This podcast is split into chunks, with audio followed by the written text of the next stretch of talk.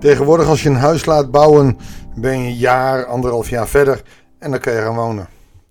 De tempel was even wat anders. Salomo besteedde zeven jaar aan de bouw van de tempel, die op dat moment tot in de details gemaakt was.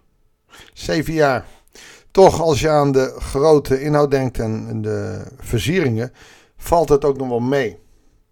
Als je weet dat alles niet op de tempel zelf werd gehakt en gebikt, maar in, in het dal, dat alles kant-en-klaar aankwam. Dus dat vergt nogal wat logistiek, de juiste stenen op de juiste plek. Dan is zeven jaar ook nog weer goed te doen. Overigens ook wel mooi dat het zeven is. We weten dus niet eens of het letterlijk zeven is, maar dat is ook het volle getal. Laten we eens even kijken wat daar uh, op laatst nog allemaal voor nodig was. Goeiedag. Hartelijk welkom bij een nieuwe uitzending van het Bijbels Dagboek. We lezen uit 1 Koningen 6 vers 19 tot en met 38.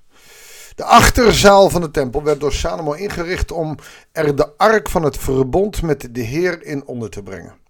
De zaal die 20 L 20 breed 20 L lang en 20 L hoog was. 20 bij 20 bij 20. Dat is 10 bij 10 bij 10 meter. Een, vierkant, een vierkante bak, zeg maar. Uh, ook liet hij van binnenuit met bladgoud bedekken. En je gaat van hier zien dat het hout met bladgoud wordt bedekt. Dat had je dus in die tijd. Goud werd dus gedolven. En je zou kunnen zeggen, moet dat zo mooi? Ja, het is voor de Heer. En als je dat naar jezelf toe kan trekken, dan mag je weten dat jouw hart, jouw lichaam, de tempel is van de Heilige Geest. En dat je dat met bladgoud mag bedekken. Niet letterlijk, maar dat je dus goed voor moet zijn. Dat je het moet verzorgen. Dat het belangrijk is om de tempel te onderhouden. En dan heb ik het niet meteen, nou je mag niet roken, je mag niet. Nee. Laat je hart puur zijn. Zonder zonde en dat is moeilijk genoeg. Versier het met bladgoud, zodat het voor de Heer is dat Hij intrek kan nemen, zodat jouw ego geen plek meer heeft. In die zin kan je het versieren en mag je lichaam dus uh, ook een tempel zijn. En het aardige is, weet je, zorg dat je er goed verzorgd uitziet, want jouw lichaam is immers uh, de tempel. Ga niet met, met slordige kleren naar de kerk, maar zorg dat je netjes gekleed bent. Zoals sommige mensen wel zeggen, doe alsof je naar de koningin gaat. Maar ja, dat kan tegenwoordig ook nog weer ruig gaan. Want zijn broek met gaten in de broek schijnt ook mooi te zijn. Weet je, zorg dat het netjes is. Jouw tempel mag dus mooi zijn, mag uh, bladgoud uh, bedekt zijn. En bladgoud zou je dan kunnen zeggen als liefde, uh, vertrouwen op God, liefde voor God agapeo naar andere mensen, zodat je daar God mee dient. Zorg dat jouw hart rein is en puur op Hem gericht. Uiteindelijk zal in de tempel heel veel verkeerde dingen gebeuren. En ook wel in ons hart. Maar soms is het goed om je hart te reinigen en zorg dat het er als de tempel van Salomo uitziet. Het bladgoud komt even binnenkant van de hele tempel. Voor de achterzaal, die zelf al geheel met bladgoud was bedekt, liet hij gouden kettingen spannen. En de hele tempel werd van onder tot boven met bladgoud bedekt. Ook het altaar van de achterzaal. Van het hout van de Aleppo-den liet hij twee serups maken. Klaarblijkelijk is dat een hele grote boom. Uh, van 10 L hoog, dus 5 meter hoog. Die bestemd was voor de achterzaal. Een serup is een engelfiguur. Elk van hun vleugels mat 5 L, 2,5 meter. De afstand van de vleugelspits tot vleugelspits bedroeg 10 L, 5 meter. Dat God voor de beide serups indrukwekkende houten beelden. Ze waren gelijkvormig en even groot en allebei 10 L hoog met een spanwijdte van 10 L. Ze werden ze in de achterzaal geplaatst dat de vleugel van de ene sirup de andere muur raakte en de vleugel van de andere de andere muur. Dus ze omspanden de hele muur. Immers, dat klopte, die was 20 L breed. En de beide engelen, uh, de beide sirups waren 10. Dus 10 plus 10 is ook weer 20. Hun andere vleugels raakten elkaar precies in het midden van de zaal.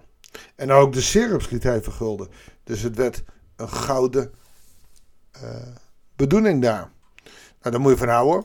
Maar in die tijd was het ook status. Als de tempel helemaal uh, geweldig mooi was, dan had je daar God mee gediend. Alle wanden van de tempel, van zowel de voorste als de achterste zaal, liet hij rondom versieren met houtsnijwerk van sirups, bloemranken en palmetten. De vloeren werden bedekt met een laagje goud, zowel de voorste als in de achterste zaal. En de toegang tot de achterste zaal liet hij afsluiten met deuren van Aleppo-hout. Die waren opgehangen in de kozijnen met vijfhoekige stijlen. Ja, waarom de symboliek die daarachter zit, die weet ik niet, maar het is vrij specifiek. En de twee deuren liet hij versieren met houtsnijwerk van sirups, palmetten en bloemranken en met bladgoud bedekken. Ook het houtsnijwerk werd verguld. Overigens, palmetten zijn uh, in het houtsnijwerk uh, afbeeldingen van palmbladeren. De deurposten van de toegang tot de grote zaal werden eveneens van hout en Aleppo-den gemaakt met vierhoekige stijlen. Hierin werden twee deuren van cyprushout opgehangen die elk twee scharnierende panelen hadden. Ook deze deuren liet hij versieren met houtsnijwerk van sirups, palmetten en bloemranken, die vervolgens werden verguld. Er ging heel veel goud in de tempel zitten. En de ommuring van de binnenhof liet hij optrekken uit drie lagen op maat gehouden steen, met daarbovenop een laag cederhouten balken. Je kunt zeggen wat je wil, de tempel komt er prachtig uit te zien. En het enige wat ik je daaraan mee kan geven, is dat als jij je realiseert dat jij, jouw lichaam, een tempel is van de Heilige Geest, dan mag je je mooi maken. En of dat nou bij vrouwen is met opmaken of dat je je door kleren netjes kleedt. Zorg dat jouw lichaam, jouw tempel, een verzorgd tempel is. Dat betekent ook gezond. Gezond eten. Gezond, uh, je huid moet gezond zijn. Zorg goed voor jezelf. De fundering van de tempel voor de Heer werd gelegd in het vierde jaar van Salomo's regering. In de maand Ziv. En in de elfde regeringsjaar, in de maand Bul, de achtste maand, was de tempel tot in de kleinste detail geheel volgens plan voltooid. Salomo besteedde dus zeven jaar aan de bouw van de tempel. Geweldig hoe hij de tempel laat. En als voorbeeld voor ons ook uh, mag zijn hoe wij onze tempel moeten bouwen. Daar moet je over nadenken. Hoe wil jij een plek zijn voor de Heere God? Hoe wil je dat gaan realiseren en wanneer ga je dat doen? Ga je dat uitstellen of zeg je, net als Salomo, nu gaan we beginnen? En dan kost het me een paar jaar. Ik zal mijn hele hart voor de Heer opbouwen. Hoe meer je uitstapt naar God en afhankelijk bent van Hem, hoe meer je zegt: Mijn lichaam, mijn hart, mijn ziel is de tempel van de Heilige Geest. Hoe meer je dat doet, hoe meer en dichter je bij God kan leven, hoe meer jij gezegend kan worden.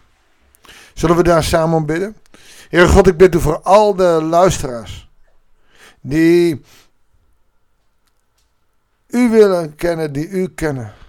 Heer, laat hun leven, hun lichaam, hun harten een tempel zijn voor u.